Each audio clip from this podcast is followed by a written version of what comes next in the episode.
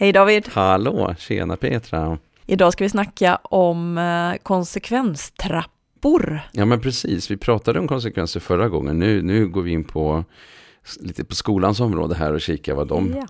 vad, vad, vad som händer där lite. Precis, för det är ju så att i skolans värld när man jobbar med konsekvenser och konsekvenspedagogik så Mhm. formaliserar man ofta det i något som brukar kallas för en konsekvenstrappa. Just det, precis. Och det gissar jag att du stöter på ganska ofta i ditt arbete. Ja men faktiskt, Mm. jag gör ju det. Och, och eh, ofta har man ju tagit eh, de här sakerna som man eh, tydliggör i skollagen att man får göra i kapitel 5. Ja, eh, om eh, trygghet och eh, studiero. Mm. Eh, sådana här, ja men de här sakerna som handlar om att utvisa någon ur, ur klassrummet till exempel. Och kvarsittning och omplacering och, och det kan ju också vara eh, att man liksom placerar vid en annan enhet eller, eller stänger av någon till exempel. just det. Lärarnas ju- befogenheter, Ja, liksom, precis. skolans befogenheter. Mm, disciplindelen så att säga. Exakt, som ju Mm. ganska mycket sticker ut, Sticker ut i, skollagen från de andra kapitlen. Ja, rakt upp och ner. Den är, den är en, liksom en anomali i hela systemet egentligen. Eh, ibland undrar man hur den, hur den liksom kom dit. Mm. när man, för när man läser skol... Jag tycker när man läser skollagen och läroplanen, det är väldigt fina beskrivningar. Eller hur? Ja, Ja. och eh, här så är det liksom eh, ett helt annat språkbruk och Ja. eh, en helt annan grundhållning också. ja, en helt faktiskt. annan elevsyn, människosyn överhuvudtaget. Mm, ja, precis. Och, och det här är också sådana saker som man så att säga eh, nu när vi spelar in så har vi ju precis nyligen fått en eh, fyrklöver som vill ändra på saker och har ehm, skrivit ett litet Tidöavtal Ja. som ju hade väldigt många skolrelaterade Mm. förändringsförslag Det faktiskt. var en väldigt stor del av Tidöavtalet Ja, var det just var skolan. mycket. Och eh, jag kan ju passa på att göra lite reklam bara för eh, Bo Heiskov-Elfven och jag har en liten podd som heter David och Bo pratar pedagogik där vi har gått igenom Tidöavtalet kopplat till skolan eh, som en liten miniserie här nu på flera avsnitt.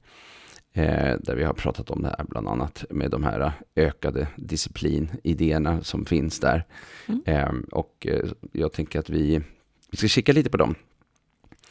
Jag har faktiskt, du frågade så här, stöter jag på det här? Ja, det gör jag på lite olika sätt. Dels därför att eh, ibland så är det ju elever som eh, man, där man har, där man har liksom gått ett antal steg i den här trappan upp liksom. Mm. Och man kan säga att den där trappan, den är ju liksom, den är lite light i början och så blir den tung på slutet. Mm. Eh, Jag skrev, p- printade faktiskt ut en trappa som Ja. man ser ganska ofta. Jag tänkte jag kunde bara läsa upp de Ja, olika stegen så att det jättebra. blir tydligt och konkret vad det är vi Perfekt. pratar om. Ja, Så eh, just den här har jag hämtat från Helsingborgs stad, men jag har sett den i många kommuner. Där är Mm. det på steg fem. Nej, inte, det är fem steg. ska ja jag säga. precis. Och där är det fem steg. Det Eh, brukar det vara. Där det första steget är tillsägelse att upphöra med beteendet. Ja. Steg två är utvisar du klassrummet under del eller hela lektionen. Mm. Steg tre, möte med elev, vårdnadshavare och mentor.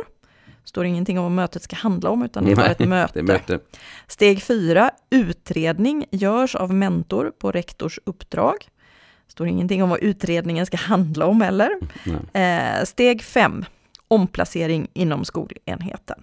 Och där finns också ibland flera andra Mm. punkter under där då, så omplacering till annan skolhet och avstängning. Exakt, precis. Mm. Och eh, det som jag har mest blivit liksom lite bestört över, förutom hanterandet av de här olika stegen, det är det faktum att det slutar med ett stup. Ja, Det tycker jag är fascinerande. ja, eh, både rent visuellt och i Ja, praktiken. rent visuellt ja. så, så tar det slut vid steg fem och där kommer stupet. Ja, Eh, och det är ju intressant när man har en obligatorisk skola, att någonting kan sluta med ett stup. visst är det. Och, och eh, det, det är också det här med, om man nu tänker sig omplacering till annan skolenhet, då är det liksom, okej, men har det löst sig då? Och om det nu är att man ska omplacera till en annan skolenhet, för det är ju ändå en obligatorisk skolgång. Är det då så att man tänker sig att ja, men då har vi kört det här i botten så pass att vi klarar inte av att göra någonting, så vi, alltså alla människor måste börja på ny kula. Mm. Och så kan det ju vara ibland förstås, eh, att det kanske är bättre att börja på, på ny kula. Men jag slås också av det faktum att jag har kommit ut så många gånger och folk har sagt att vi har gjort allt. Mm. Vi har gjort allt. Mm. Vi har gjort det här, det här, det här, det här, det här. Eh, och när vi börjar prata om det så kan jag aldrig se att de har gjort allt. Nej. Aldrig. Och eh, att det finns jättemycket frågor som är kopplade också till vilken hållning man har haft. Alltså en massa föreställningar om eh, liksom, både kring eleven som, som eh, beter sig på olika sätt, men då ju i princip alltid ser ju jag då, eller vi pratar ju om det, så ser man ju det kopplat till att det faktiskt finns reella svårigheter med mm. en massa saker. Som, alltså det, och ofta saknas det en, liksom en eller flera vuxna som den här unga personen har tillit till. Mm. Eh, för att man har bränt alla skepp överallt. Och sådär. Mm. Jag tycker också att det är så, det är en superparadox tycker jag att på det femte stadiet eh, så finns avstängning mm. som ett steg, samtidigt som vi har skolplikt. Ja, du måste inte. vara i skolan, men om du inte sköter dig när du, skol, när du är i skolan, då får du inte vara i skolan. Nej, just det. Alltså hur ska ni ha det? Nej, det den, den är jättekonstig. Ja, det, det, ska ju sägas att den är tidsbegränsad, den här avstängningen. Ja, det är den faktiskt. Men, men... Eh, nej, den är tidsbegränsad och eh, tanken är att man ska ha eh, max en vecka och max två gånger på ett läsår. Ja. Eh, så att, eh, så är det ju. Men... Eh, och tanken är också, ska vi i ärlighetens namn säga, att det som i alla fall står, det är att man under den tiden ska hinna ordna. Mm. Så att det finns liksom förutsättningar att ta hand om individen när hen kommer tillbaka. Och det tycker jag att eh, om det blev tillräckligt tydligt för eh, eleven och mm. eleven känner, ja men vad bra, då kommer jag tillbaka, då är yeah. saker och ting annorlunda och det känns ju skönt liksom ja. sådär. Men det har jag inte stött på, kan jag säga. Eh, utan det som jag oftare stöter på är en elev som eh, inte fattar vad som har hänt. Nej. Som eh, eh, liksom förtvivlad över omständigheterna. eh, som känner att det är en bestraffning. Mm. Och det vet man ju från forskningen att bestraffning det är, all, det är liksom direkt negativt. Ja. Upplevelsen av bestraffning är inte positiv. Så att, eh, och att det leder inte liksom i rätt riktning heller. Det och, finns väl en tanke om att om man blir straffad så kommer man att uppleva att konsekvensen var så negativ så sen så skärper man till sig och gör annorlunda. Det är väl en del då i, i det som man kallar den här konsekvenspedagogiken ja. som, som i grund och botten ju handlar om det här med med att, eh, att eh, om, du, om du inte gör det här eller om du gör det här så kommer det här och det här hända. Eh, och det fungerar ju eh, till viss, gan, ganska sådär bra till viss del i alla fall på vuxna men ändå inte helt. Nej. Jag menar, alla, alla som röker vet att det inte är bra men, men det är liksom så långt borta så att, eh, så att det skiter man i. Då, Exakt, liksom. och folk som har kört för fort och fått böter, de kör för fort igen. Det kan hända. Ja. Eh, jag, jag tänkte bara... just på det, att vi mm. pratade om det eh, i förra avsnittet, mm. eh, men alla har kanske inte hört förra avsnittet. Nej, så jag tänker att vi behöver tydliggöra just vilka antaganden som finns bakom det här jobbet med konsekvenstrappor, för det är ju ändå en viss elevsyn ja, det det. Eh, och en viss syn på motivation mm. som ligger bakom. Eh, och jag tänker att ett grundläggande antagande bakom att man jobbar med konsekvenstrappor det är just det jag var inne på, att, att man tänker att folk är inte tillräckligt motiverade att bete sig Nej. rätt och bra. Så om man ger dem konsekvenser och straff för deras beteenden så kommer de att börja bete sig bättre. Eh, för att då ändrar man liksom incitamentsstrukturen. Ja, precis. Och det är lite intressant här för att eh, vi pratar ibland om straff och belöningar. Och eh, straff har ju visat sig i forskning vara negativt, liksom mm. när vi ska röra oss utvecklingsmässigt framåt. Det är, liksom, det är ingen bra grej. Nej. Eh, och eh, belöningar har ju också problem. Eh, nu är det ju inte så att den här, det här är ju ingen belöningsfråga, utan här är det ju, här är det ju konsekvenstänket och det kallas ja. ju en konsekvenstrappa. Så att, ja. Eh, det kunde lika gärna kallats strafftrappa, tänker jag. Ja, eh. åtminstone för en del, tänker jag, för att det handlar om upplevelsen hos individen. Ja. Och för de individer som upplever det som ett straff, då mm. är det ett straff. Då har du ju funktionen att, av ett straff. Ja. Jag har också sett, det ska jag ju säga att jag har ju kikat nu inför det här avsnittet på olika konsekvenstrappor. Och de är ju i, i liksom tonalitet. Och eh, ja, i tonaliteten så varierar de. Mm. Eh, alla är inte så hårda som Nej, den jag precis. läste upp, utan mm. en del är ju mer att vi har ett möte där vi, där vi samtalar med eleven, liksom, mm. snarare än att vi har ett möte och berättar att eleven ska skärpa till sig. Eh, men rent formellt så ser ju trappan ungefär likadan Jag ska säga att när jag sökte en gång tidigare så hittade jag den på Skolverkets hemsida. Nu när jag sökte så hittade jag den inte Nej. på Skolverkets hemsida. Och det leder till att jag undrar om man liksom har eh, typ fått kritik för den eller att det funnits problem med den eller att man liksom har börjat tänka till kring den. Eh, för att det har varit en hel del diskussioner kring just konsekvenstrappan Mm eh, som konstruktion. Mm. Vi Eh. hoppas ju på det, David och jag då, Ja. men jag tvivlar om jag ska vara riktigt ärlig. Eh, och givet den liksom, politik som tillkommer nu så tror jag att det kommer att dyka upp en ny konsekvenstrappa så småningom i så fall. Ja, den kan vara tyngre formulerad kan man ju säga. Det kan man väl ana. Eh, framförallt är det väl kanske det här med hur länge man ska få avstänga eller, eller Ja. så som man pratat om. Och just avstängning som kanske är den, den tyngsta formen, den står liksom alltid sist. Ja. Eh, det är ju, alltså tittar man forskningsmässigt där så, så, så ligger ju den inte så, så bra till kan man säga. Nej. Eh, för att jag menar det som man, det finns ju, och du hade kikat på det i Sverige. Ja, jag kikade faktiskt. Jag körde en liten Google Scholar och kollade på vad har vi för forskning Mm, när det gäller eh, liksom det här med att jobba med konsekvenser i, i skolans värld. Eh, och det jag kunde se det är att det finns ingen forskning på svenska förhållanden när det gäller det här. Jag hittade en hel del på amerikanska förhållanden där man framförallt har tittat just på avstängning. just det. Eh, och det var ju inte speciellt upplyftande läsning. Eh, det har ju egentligen inga positiva konsekvenser alls, utan Nej. tvärtom så försämrar det klimatet i skolan, det försämrar till och med resultatet för övriga klasskamrater och framför allt då för den som blir avstängd. Eh, naturligtvis, och man pratar ju också om det här till School to Prison Pipeline va? Eller Ja, hur? precis. Den forskningen, eh, den är också en sån där som Bo och jag har pratat om idag, då Bo pratar pedagogik.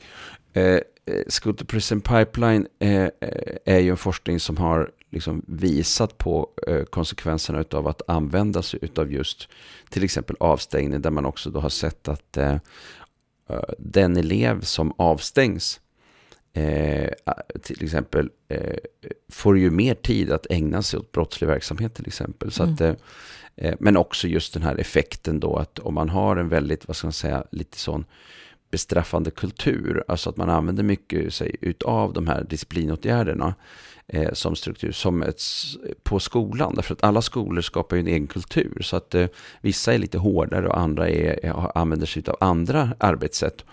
Eh, då har det visat sig vara väldigt negativt för, för hela skolan, också Mm. för resultaten Och det där är ju intressant och viktigt tänker jag, för jag tror att många skulle säga, okej, det är lite tough shit för han som blir avstängd eller hon, det är Mm. oftast en han rent krasst, Mm, eh, men det blir bättre för resten av klassen. precis, det är också Vi, vi, måste, vi, vi måste liksom titta på de andra 29 som är kvar i klassrummet och så tänker man att det blir faktiskt Mm. bättre för dem. Ja. Eh, och det stöds ju inte riktigt i Nej, forskningen. Nej. Och jag tänker att det handlar också om att det, det gör någonting med miljön eh, när man använder den här typen av åtgärder, att de andra eleverna blir lite stressade, lite på, på tårna och så här. Eh, och att det är ganska olustigt att befinna sig i en miljö där man riskerar att bli avstängd. Mm. Sen vill jag göra tydligt, för nu sitter det kanske, jag vet inte vilka som lyssnar, men skulle jag prata om det här i ett vanligt sammanhang, så skulle folk säga, ah, men vad, ska man bara låta det fortgå då? Är det det vi menar David när vi kritiserar det här? Ja, att det- allt ska bara få, det, de ska få störa? Nej. Så är det inte. Men det, det är också intressant när man pratar med olika lärare, för folk har ju väldigt olika sätt att, eh, att handskas med det här. Och eh, många jobbar ju istället med relationsskapande och försöker hitta olika former och är där och är på plats och, och, och skapar relation och alltihopa. Och med de som är, de, eh, och framförallt ungdomar då, som är liksom mycket på glid, där finns det ju, eh, där behövs det ju jättemycket vuxenvärld. Ja. Eh, så att det är ju inte det att man ska pusha ut individen från vuxenvärlden, utan man måste ju snarare bygga en vuxenstruktur runt omkring den här eleven som, som just kan fånga upp och som kan bygga relation och Mm. Som har tålamodet och att bygga upp tilliten liksom och, Mm. och så. Och Ja, för ju är ett det något vi arbete. vet så är det hur otroligt viktig relationen är. För det behövs åtminstone en stabil relation för att en individ ska vara trygg. Och det är först Mm. när en individ är trygg som den kan lära sig och som den kan liksom börja agera på ett socialt funktionerande sätt också. Liksom. Precis, och här har vi lite olika också eh, kategorier i det här då kan man väl säga. Vi vet ju att det finns en väldigt stark överrepresentation av eh, eh, till exempel personer med neuropsykiatriska funktionsnedsättningar i gruppen som på olika sätt blir utagerande, Ja. vilket då kan bli föremål för det här. Eh, men vi har ju också en grupp personer som ju har svårt i skolan, där det i och för sig kan också vara så att det finns mycket neuropsykiatri, Mm. där det också finns en väldigt stark social liksom, eh, eh, komponent och eh, liksom just det här med ungdomar som rör sig i riktning mot kriminalitet och annat. Eh, eh, och det finns en överlappning här mellan de här grupperna, men det finns också vissa saker som skiljer sig åt. Mm. Och jag tänker på det vi sa, eh, jag nämnde inledningsvis underliggande antagande och sa att ett underliggande antagande när man använder sig av konsekvenstrappa, det är att personen i fråga eh, inte är motiverad att uppföra sig väl. Mm. Och bara för att tydliggöra för lyssnaren att det vi tänker, det är ju att de allra flesta elever har motivation, Mm. inte alla, men väldigt många har motivation att uppföra sig bra, eller vad man nu ska säga, men saknar förmåga och förutsättningar att klara det i den utsträckning som skolan ställer krav på. Det är ju det som är den stora utmaningen och det är där vi kommer tillbaka till den här att liksom göra de här eh, bedömningarna, att, att liksom sätta sig ner och, och försöka förstå vad är det som ligger bakom att det blir som det blir. Mm.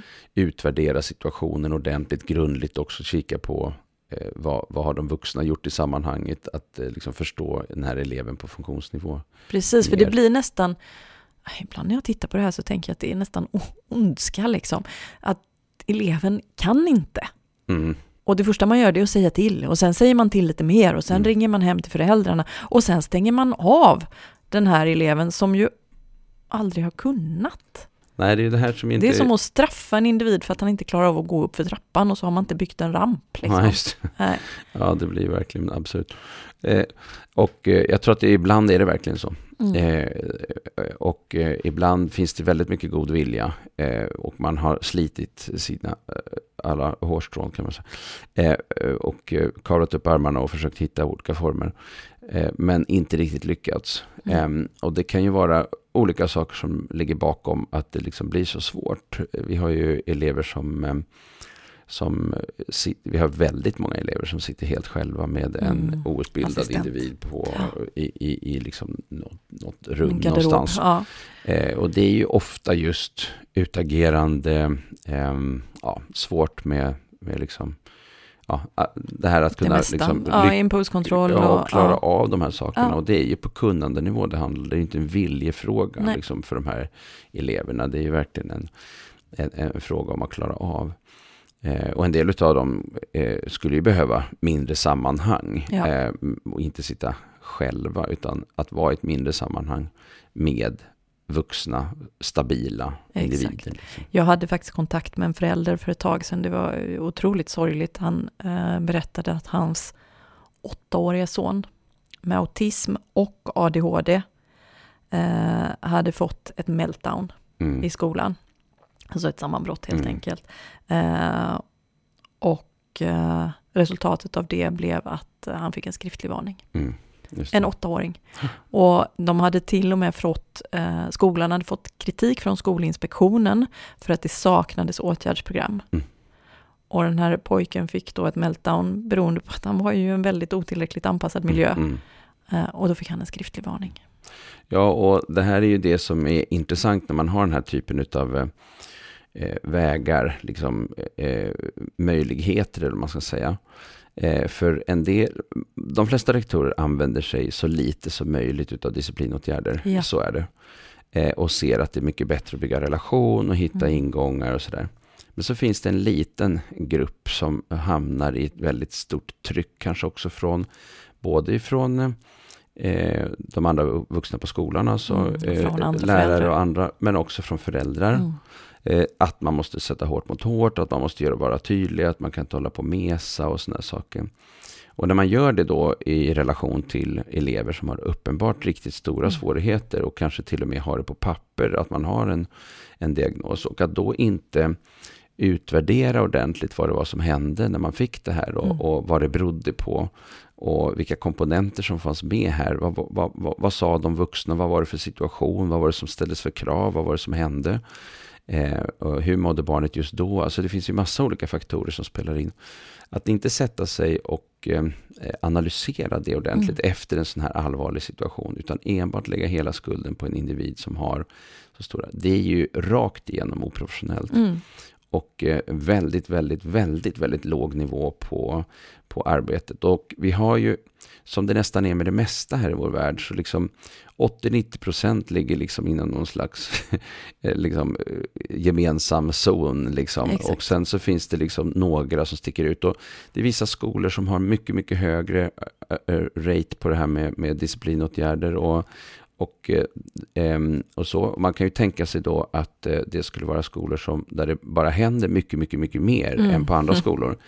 Eh, och, men det är inte hela sanningen alls, utan det kan vara så att en annan skola där det händer väldigt mycket saker har bara ett helt annat arbetssätt. Ja.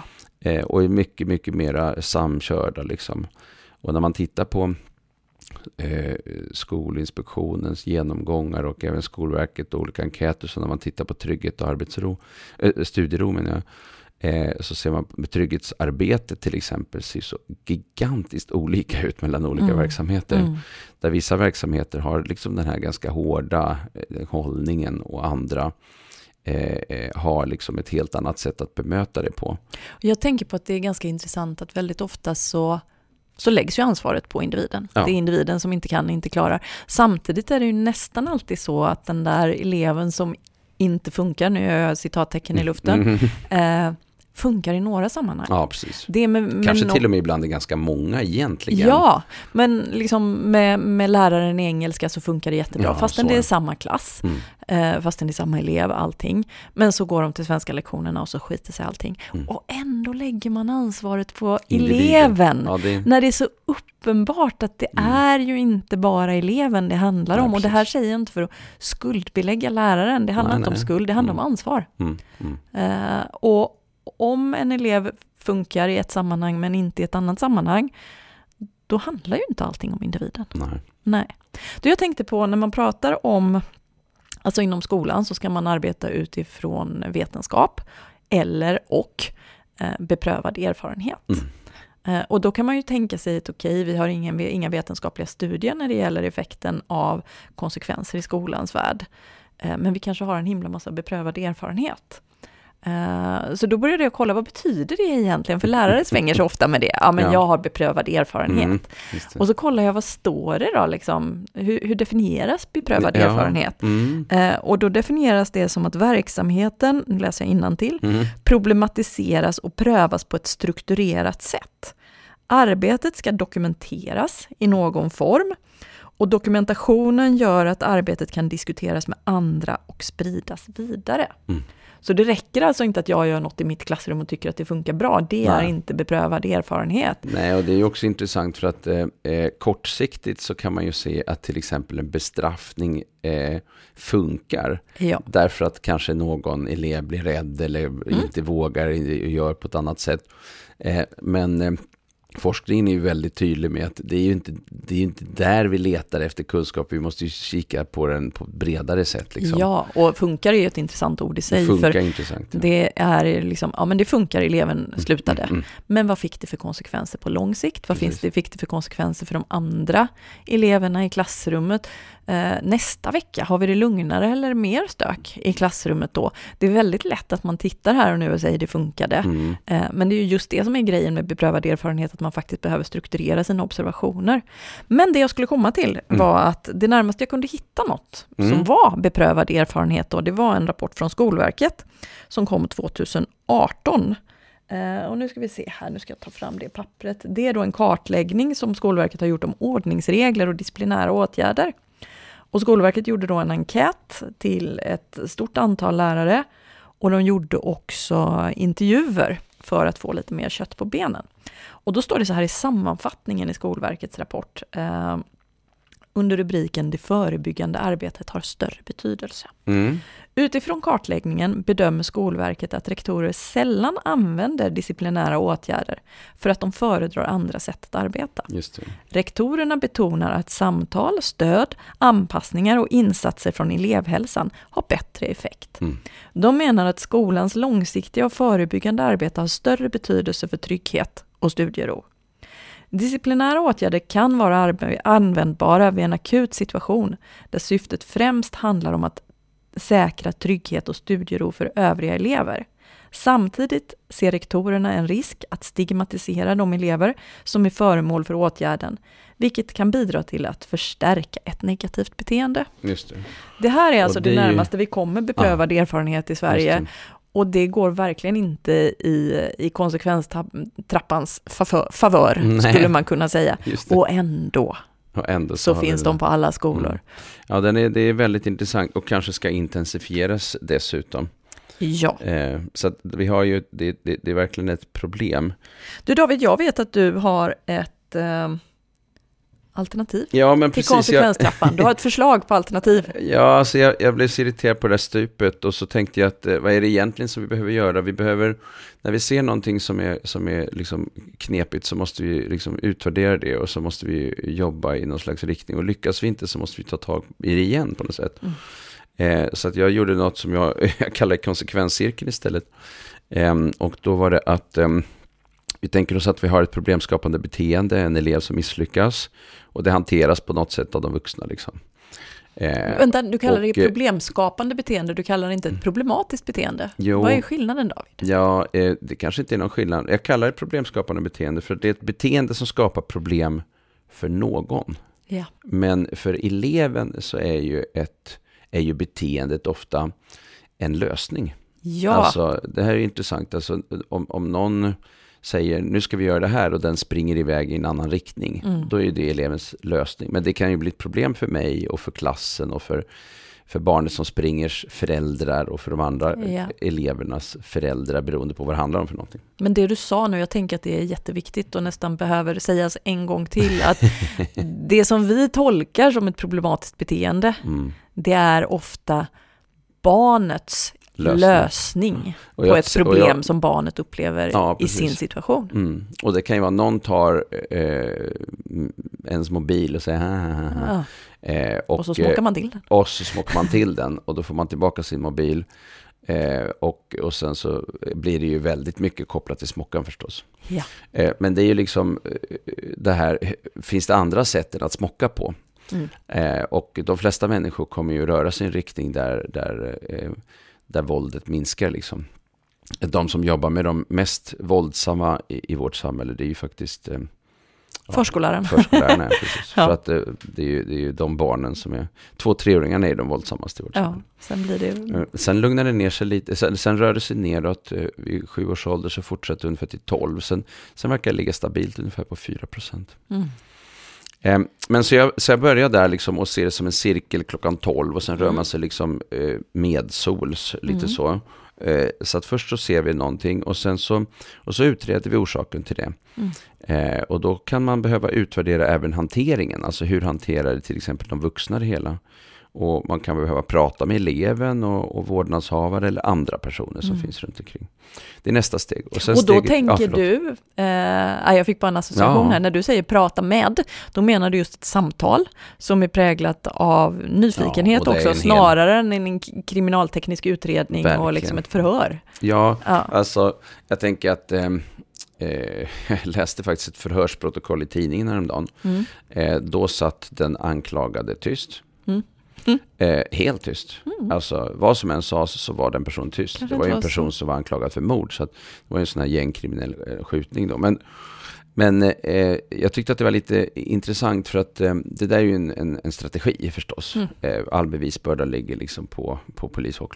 Men det intressanta är ju då att eh, det där händer ju faktiskt i verkligheten också med barn på våra, eh, att använder vi oss av en, en, en väldigt liksom en hållning där vi ska sätta dit någon, då, då leder det ofta till att man blir tyst.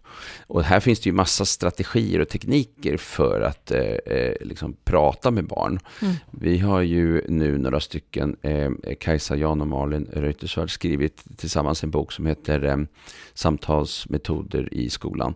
Och där har vi ju också förslag på massa olika strategier för hur man faktiskt kan eh, få till bra samtal där man också använder sig eh, utav eh, ja, Eh, skalor och, och ritprat och allt vad det kan vara för någonting som liksom kan hjälpa en att få, eh, få till goda dialoger. Så, så det är ett bra tillägg där liksom. Eh, nästa steg då efter det här utredandet, det är liksom att man planerar vad lärare och andra ska göra. Och det här görs ju på många håll, liksom så. men man är inte alltid jättebra på att utreda. Eh, för att man har, tycker sig inte ha tiden till det. Men det man kan också leda lite fel. Veta. Och man tycker sig redan veta. Och jättemånga gånger har jag frågat om man har pratat med eleven Jaha, själv och, och man inte har har, de gjort inte. det. Nej.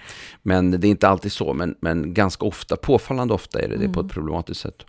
Så nästa steg är då att planera vad man ska göra och eh, förebygga insatser då.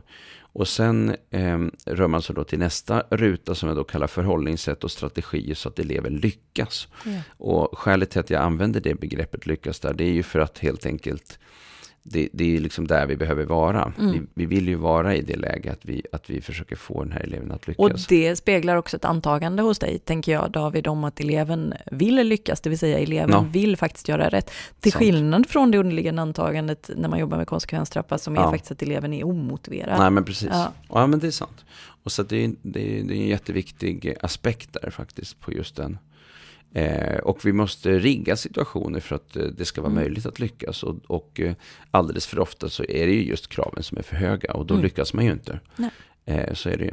Nej, lägger någon upp en- ribban på 2,20 så kan jag inte hoppa över den. Nej, jag Hur tänkte just de på en, jag ty- tänkte just på en sån eh, situation som jag var med om. Jag, jag, jag var ute hos några som jag känner och eh, skulle paddla kajak och eh, då eh, sa lite skadeglatt så fick jag en framskjuten eh, eh, kajak som var väldigt rundbottnad Jaha du. som jag hoppade in i och eh, ja, men det, här, det här blir kul. Eh, och eh, jag kom väl två meter sen vurpade jag. Oh. Och eh, det var ju bara absolut mega för svårt för den Ja. var ju verkligen rundbottnad. Ja. Den är snabb som attan men jag kan ju inte paddla kajak så jag kan ju inte ha en sån. Så att, eh, så att eh, då, Gick då, du på då den stod, lätte? Då, då gick jag på den och eh, det stod en och eh, garvade ganska mycket åt det hela kan jag säga. Eh, och sen kanske jag fick någon annan. men just det här med att liksom, det blir för svårt. Men, och nästa steg då, det är ju att utvärdera då de här insatserna som man har gjort. ehm, tillsammans med kollegor, tillsammans med eleven också. Ja. Och ibland med vårdnadshavare och andra. Eh, så.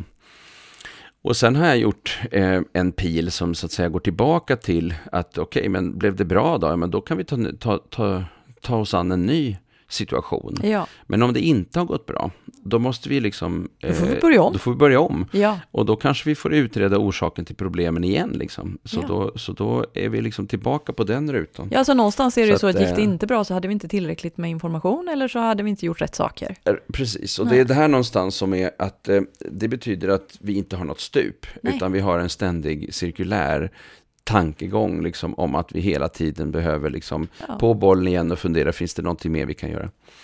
Det finns en hel del som, som jag nog tänker mig jobba lite åt det här hållet. Mhm. Eh, men jag tycker mig också se att det är alldeles för många som inte gör det. Mm. Och jag tycker att det är väldigt problematiskt att man inte från, eh, kanske också från högre ort eller vad man ska säga, lite grann driver frågan om att det här är liksom det viktigaste sättet att arbeta på. Ja, alltså det är så Eh. sorgligt med det här femte steget och stupet, för det är verkligen så uppgivet. Nej, Mm. nu har vi gjort allt vi kan, nu skiter vi, du är hopplös. Ja, Blir ju nästan ja det signalen blir man ju skickar. det. Och sen är ju frågan var, var ska man gå till sen då? Vi, vi lämnar över det till en annan skola som ska lösa det hela. Och, eh, eh, och, och, och hur, tänker man sig då att där har vi lösningen? Och så kan det ju vara ibland. Mm. Mm, och ehm, samtidigt så är det väldigt, väldigt viktigt att eleven inte upplever sig vara utskuffad. För det blir ju ett runt. jätteproblem på Ja. nästa ställe när man sen ska ta sig an det. Jag tänker på de här eleverna som har hamnat i mindre undervisningsgrupper som jag har stött på också, som absolut inte vill gå där. Eh, de kan liksom uttrycka, det är bara massa jävla miffon här Mm. och, och eh, jag är fan inte som dem. Alltså det Mm. kommer sådana där, och de förstår inte varför de är där Nej. och de känner bara att det är fel och, eh, eh, och det blir jätte helt fel ingång och det blir jättesvårt, va? skitdåligt även för den gruppen tänker det jag om det kommer någon som att- inte vill vara där. Och det här är ju svårt då, med- för här sitter man ju i ett jättedilemma när man ska liksom hitta en grupp som funkar. Eh, därför att det är ju inte alltid att om man nu skulle ha en mindre undervisningsgrupp och tänker att ja, men det här skulle nog vara bra för den här eleven, Mm. så kanske den har en sammansättning i den gruppen som är ganska dålig matchning med den personen som kommer dit. Ja. Så att här har vi ju också liksom ett dilemma, så att man sitter ju med, med det är ju en tuff situation, det är ju Mm. inget uttal om det. Nej, verkligen. Men så jag skulle nog eh, propagera för att man använder konsekvenscirkeln lite oftare än konsekvenstrappan faktiskt. Det För att, eh, ja, jag håller på att utarbeta den här lite, så jag håller på att pilla med den lite grann. Men eh, så jag har inte lagt det någonstans. Du har en eh. supporter hos mig i alla Ja. fall. Jag tycker den känns betydligt mer eh, tilltalande och mänsklig. Och på, på tal om det, jag tänkte på, när jag satt och förberedde mig för det här så tittade jag både i skollagen men också i eh, läroplanen. Mm. Eh, och så fastnade jag i eh, kapitel 1 i läroplanen där man pratar om värdegrunden. Mm. Eh, och det är ju ett fantastiskt kapitel. Det är ju så himla fint och där Ja. pratar man om att skolan ska gestalta och förmedla ett antal värden. Mm. Eh, det vill säga man ska inte bara prata om dem utan man ska faktiskt också leva dem och förmedla dem till sina individer. Eh, och- och jag reagerade över de här värdena i relation till arbetet med konsekvenstrappor och konsekvenspedagogik och bara det blev som ett stort utropstecken i mig när jag tänkte men det här funkar ju, det, det går inte ihop. Mm. Eh, för de här värdena då, det är människolivets okränkbarhet, är det Mm. första. Och jag tänker att det handlar om att människan ska behandlas eh, som en person snarare än som en funktion. Mm. Eh, och det går ju väldigt på tvärs mot just konsekvenstrappan. Som handlar om att du fungerar dåligt. Det allt ansvar är ditt liksom. Mm. Eh, man pratar också om individens eh, frihet. Det handlar om självbestämmande, att individen ska få bestämma över sig själv. Eh, att man ska, ska liksom ha rätt att bli sedd och bekräftad som individ. Och det kan man ju fundera över hur det funkar med det här bestraffande tänket. Mm. Detsamma gäller eh, individens integritet, pratar man också om. Eh, och här tänker jag på rätten att få liksom, uttrycka sin egen identitet, till exempel. Eh, och så tänker jag på alla de här ungarna som vi plockar av, fortfarande plockar av kepsen Mm. i skolan. Och tar du inte av dig kepsen så blir du inkallad på samtal och så får vi Precis. ha ett samtal med, med din liksom, Istället för att förälder och så skapa här. relation så åker kepsen Ja. upp istället. Och det är så himla märkligt liksom. Ja. Du får en konsekvens för att du uttrycker din Mm. identitet som inte ens sabbar för någon annan. Nej, och nu liksom. kanske en del som tänker sig, "Men det med kepsen, det var väl gammalt, det finns Ja, ju I inte längre. wish. Det har ju vi slutat med för länge sedan på min skola. Och det är jättemånga som har slutat med det, för det är mycket färre idag. Men det är fortfarande så att det är påfallande Ja. ofta man stöter på den problematiken. Exakt. Och sen har vi alla människors lika värde. Mm. Mm. Och man, jag tänker att det handlar om acceptans och förståelse för, att, eh, för andra människor. Mm. Och att man respekterar andra människors värde och, och sätt att fungera oavsett liksom, förutsättningar. Kan man ju fundera lite över hur det funkar med konsekvenstrappan. ja. Sen pratar man om jämställdhet, visserligen mellan män och kvinnor. Där tänker jag att kanske kven- konsekvenstrappan inte just eh, går att ställa i relation till det. Men om man tittar på jämställdhet och inte tar bort liksom, jämställdhet mellan människor snarare än mellan män och kvinnor. ehm, då tänker jag att konsekvenstrappan inte är i linje med det när vi väljer att, att straffa alla människor är inte lika liksom Nej. utifrån det. Och sen slutligen solidaritet med svaga och utsatta och där blev bara ett stort fett utropstecken Ja, i förhållande till konsekvenstrappan. Oj, oj. Eh, där man verkligen, de som straffas i konsekvenstrappan, de lämnas ju verkligen själva Mm. och ensamma. Och de är inte värda gruppens solidaritet. Liksom. Alltså jag kan tycka att eh, jag är, liksom den, här, den här femte eh, kapitlet i, i skollagen eh, sticker ju verkligen ut Ja. på alla sätt och vis. Eh, jag har svårt att, att tänka mig att det liksom kommer att vara så att den försvinner. Nu är Mm. det snarare så att den ska liksom förstärkas Mm. eh, den närmsta tiden kanske. Vi får väl se vad som hand, vad, vad, vad det landar någonstans. Men, men det känns ju som att det kan komma att bli så. Ehm, och, ehm, eh, och då, om det nu är så att det ska vara någonting av det här slaget, då skulle man ju behöva ha riktigt mycket hjälp i hur jobbar vi egentligen med de här eleverna, så att det är liksom det är en sån sällan händelse så att Mm. man använder sig av det här. Jag, kan förstå, omhändertagande av föremål är den som, hän- som är vanligast. Mm. Det finns också skolor som konsekvent använder sig av eh, till exempel kvarsittning eller, Mm. Eller eh, att man skickar ut elever i klassrummet mycket, mycket mer än, än, eh, än andra skolor som jobbar med det på annat sätt. Um, studierosbegreppet är ju, är ju, studiero är ju verkligen någonting som man har sett, det är ju jättemycket kopplat till, till lärarens, alltså till, lärare, till kvaliteten i undervisningen. Ja.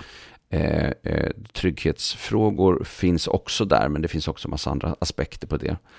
Eh, men det är klart, kommer någon elev farandes med en kniv eller med någonting så, mm. så är det omhändertagande av föremål. Det, det, är klart att det, det måste finnas en, en, möjlighet att liksom kunna ta hand om den. Men det är någonting med själva eh, eh, arbetet runt omkring. Och det stör mig oerhört mycket att, eh, att man, om man nu ändå har en sån här konstig formulering i relation till allt annat i skollagen, eh, eh kan man inte få bättre stöd i, i mm. hur ska man använda det här så att man också känner att det här är verkligen riktigt, riktigt en sällan åtgärd. För nu ser vi också, eh, liksom, dels är det skolor som har mycket högre frekvens utav att använda sig utav liksom, vad ska man säga, lite alltså bestraffande system mm. eh, som man inte ska ha. Men ibland är de lite också faktiskt eh, så eh, inte tydliggjorda, eh, men de förekommer. Eh, och det finns skolor som i modern tid, trots den här läroplanen, som ändå tydliggör att man faktiskt inte får ha det, har haft sådana här system. Får man tre prickar så mm. får man sen en kvarsittning. Alltså mm. sådana bestraffningssystem som inte är okej. Så det behöver man verkligen komma åt. Men också, hur ska vi nu göra då om vi har en elev som har det riktigt, riktigt tufft? Alltså, hur gör vi de här analyserna på ett bra sätt? Hur, skulle, skulle man kunna tänka sig att Skolverket hjälper till i, i den biten? Alltså man är fokuserad på, på skola och undervisning. Man kan inte särskilt mycket om beteenden och utagerande beteenden. Och man har inte tagit hjälp särskilt mycket heller, vad jag förstår, eh, utav liksom, eh, psykologisk kompetens också, när man ska liksom tänka kring hur vi utvärderar en händelse mm -hmm. och sånt. Och det fascinerar mig lite grann att, man, att, att vi har ändå liksom en problematik här. Och tänk vad fantastiskt det vore om man liksom fick mycket mera stöttning och hjälp i det här. Eh, i, i, I hanterandet. Och jag, jag, jag, tror att vi kommer att få se ännu fler rektorer som känner sig pressade i att eh, polisanmäla till ja. exempel, vilket inte leder till någonting om det är liksom ett, barn under 15 år, då släpper polisen det nästan alltid. Mm. Um, och, uh, och att sen um, för att så fort du polisanmäler så släpper du själv, därför att nu är det ju en polisen... Ja, du har ju lagt över ansvaret. Du har lagt över ja. ansvaret på polisen, så då gör man ingenting själv. Så att har man mycket av polisanmälningar så blir det, finns det en risk att det inte blir något jobb mm. som man gör på, på plats polisen tycker att man ska polisanmäla. Men, men då tittar inte de på konsekvenserna av hur blir det i skolan när Nej. man polisanmäler. För, för så fort man har polisanmält så släpper man liksom ja. ofta, i väldigt stor utsträckning i alla fall verkar det som. Det är i alla fall vad jag har kommit i kontakt med. Och, och det är också en ganska naturlig följd. Eh, eh, och det här liksom ökade trycket på hårdare tag, mm. eh, det oroar mig väldigt mycket, mm. att det är det som ska komma. Och, och jag tänker att man behöver ha en, en motkraft då i form av att det här är ändå det som är liksom standard och bäst och, och så här bör man göra. Och de här, så här skulle man kunna lägga upp en utvärdering utav, eller en, en, en analys utav en situation till mm. exempel. Mm. och sånt där. Och ähm, ja, det, det, det är inte väl utarbetat. Nej. Det, det finns inte ja, det, det, det där är, är jätteproblematiskt. I grunden också ett så otroligt reaktivt system, tänker ja, jag. Där vi mm. liksom väntar på att elever ska bete sig illa och sen gör vi någonting. Ja, och jag tror att både du och jag är ute efter att man ska jobba mer förebyggande. Alltså det finns ju egentligen, för att det, eh, det, det finns ju delvis för att det finns massa tankar bakom de här olika stegen. Mm. Så att eh, steg fyra som du sa, utredning görs på, av, av mentor på rektors uppdrag, stod det i, i den där. Mm. Då, eller, eh, ja, och att man kallar till möten och sånt där. Och det är ju ett slags förebyggande arbete i det, men det står ju ingenting mer om vad, utan nästa steg är ju sen ett hårdare tag, mm. så att säga. Mm. Eh, och jag tror att de flesta eh, försöker göra ett bra jobb där. Men jag ser ju också att det är många som, som slagit i metodtaket. De vet inte hur mm. de ska göra. Och då lägger de skulden på barnet, eleven, föräldrarna eh, eller på andra instanser mm. utanför. Och då tappar de hela makten och så står yeah. man maktlös inför yeah. svårigheterna. Eh, så. Och, eh, ja, så här behöver ju många rektorer också mycket, mycket mera hjälp i hur ja. de ska hantera det här. Och jag tror också att många lärare behöver mera guidning kanske också kring hur eh, liksom, finns det bättre sätt att bygga relation på Mm. till exempel. Mm. Och möta elever som har det jättetufft. Så att, ja, jag hoppas Mm. att fler använder sig av något mer cirkulärt eh, resonemang. Ja, Jag kanske får lägga ut den på, på någon hemsida sen eller någonting. det vore väl skitbra. Och så kan vi, om du gör det David, så kan vi länka i eh, anteckningarna till eh, det här det. avsnittet. Mm. Så nu, nu har du lite press på dig. Ja, men gisses då. Ja. Men och följer du inte det här så tänker jag att då får vi prata om konsekvenserna. Ja, Du, ska vi Precis. avsluta här David? ja men vi gör det. Det gör vi. Tack Tack så hemskt mycket för idag. Mm, tack, tack. Hej då.